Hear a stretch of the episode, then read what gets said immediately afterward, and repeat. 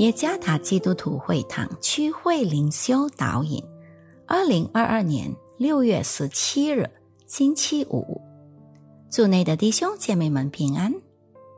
今天的灵修导引，我们将会借着圣经耶利米哀歌第三章二十二和二十三节来思想今天的主题：他诸般的慈爱。作者是爱家传道。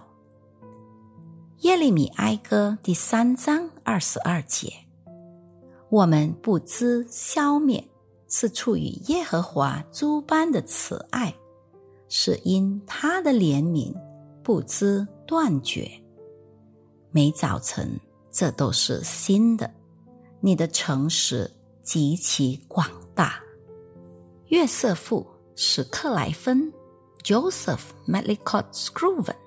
于一八五五年创作了歌曲《耶稣恩友》。这首歌非常优美，关于某人与上帝的关系有着深刻的意义。其实，约瑟夫的实际生活并不美好，他一生中难免经历屡次悲伤的事情。然而，他并没有灰心。他相信上帝诸般的慈爱不知断绝，直到他生命的尽头。约瑟夫依然意识到他对基督作为挚友的盼望。耶利米哀歌是先知耶利米写的一卷书，写这卷书是为了表达他对耶路撒冷惨遭毁灭的深切。悲伤和情感痛苦。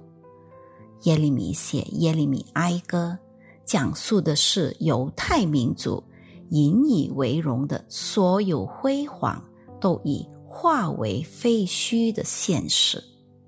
作为他们荣耀资源的圣殿辉煌，已经变成了毫无价值的废墟。他们被驱逐到巴比伦。而他们现在的身份是移民，上帝仿佛已经彻底抛弃了他们，不再关心他们了。但耶利米在感慨的哀叹中宣称，即便在极度悲伤的情况下，仍有盼望。第二十二二十三节。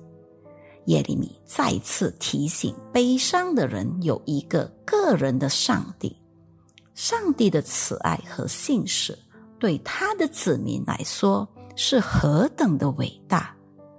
复兴的应许是上帝为那些殷勤寻求他的人所预备的。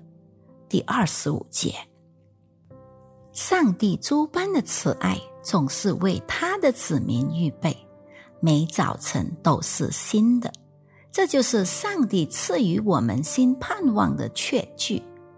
总会有上帝赐予我们的新经验和机会，所以让我们学习在上帝面前谦卑自己，因为新的盼望只有来自上帝的施恩。让我们把生活中的艰难时刻。成为我们与上帝的信心之旅。这个过程让我们相信，在任何困境中依然有盼望，因为上帝诸般的慈爱总是为他的子民预备。上帝诸般的慈爱永不断绝，你的信使对我极其广大。愿上帝赐福于大家。